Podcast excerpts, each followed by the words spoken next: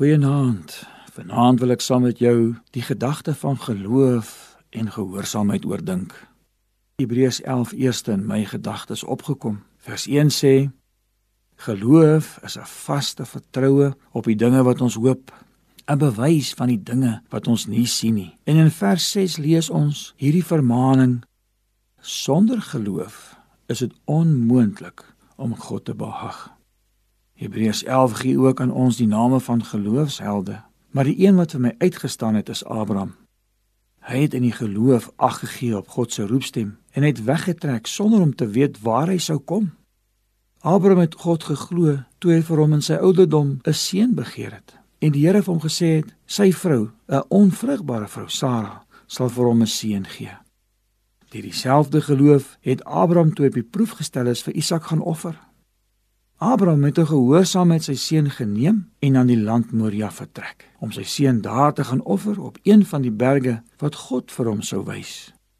Op die derde dag sien Abraham die plek en toe begin die toets van sy geloof. Sy seun Isak sê vir hom: "Hier is die vuur en die hout, maar waar is die lam vir die brandoffer, my vader?" Ek dink Abraham het vir 3 dae gewonder en geworstel met die Here oor dieselfde vraag. Daarom kon hy vir Isak reg antwoord. In Genesis 22 vers 8 sê hy: God sal vir homself die lam vir 'n brandoffer voorsien, my seun. En so het hulle albei dan saamgeloop. Ek dink as Isak geweet het dat hy die een is wat geoffer sou word, sou dit sekerlik vir hom moeilik gewees het om gewilliglik saam met sy vader te gaan. En so lees ons dat Abraham die altaar gebou het en die hout daarop gesit het en hy het vir Isak vasgebind en hom bo op die hout gesit. Dit is eers toe Abraham die mes uithaal om sy seun te slag dat die engel van die Here hom stop by sy naam roep: "Abraham, Abraham." En hy antwoord: "Hier is ek."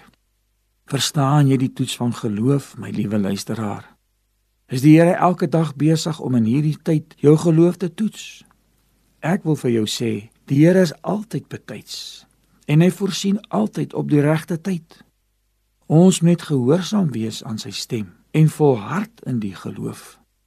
Vandag verstaan ek hoekom Abraham die vriend van God genoem is. Kan ek vanaand vir jou vra, ken jy hom so? Kom ons bid saam. Wonderbare Here Jesus, vanaand wil vir ons vir U dankie sê vir die voorbeeld wat Abraham vir ons gestel het. Help ons ook asseblief om in die geloof te volhard. Amen.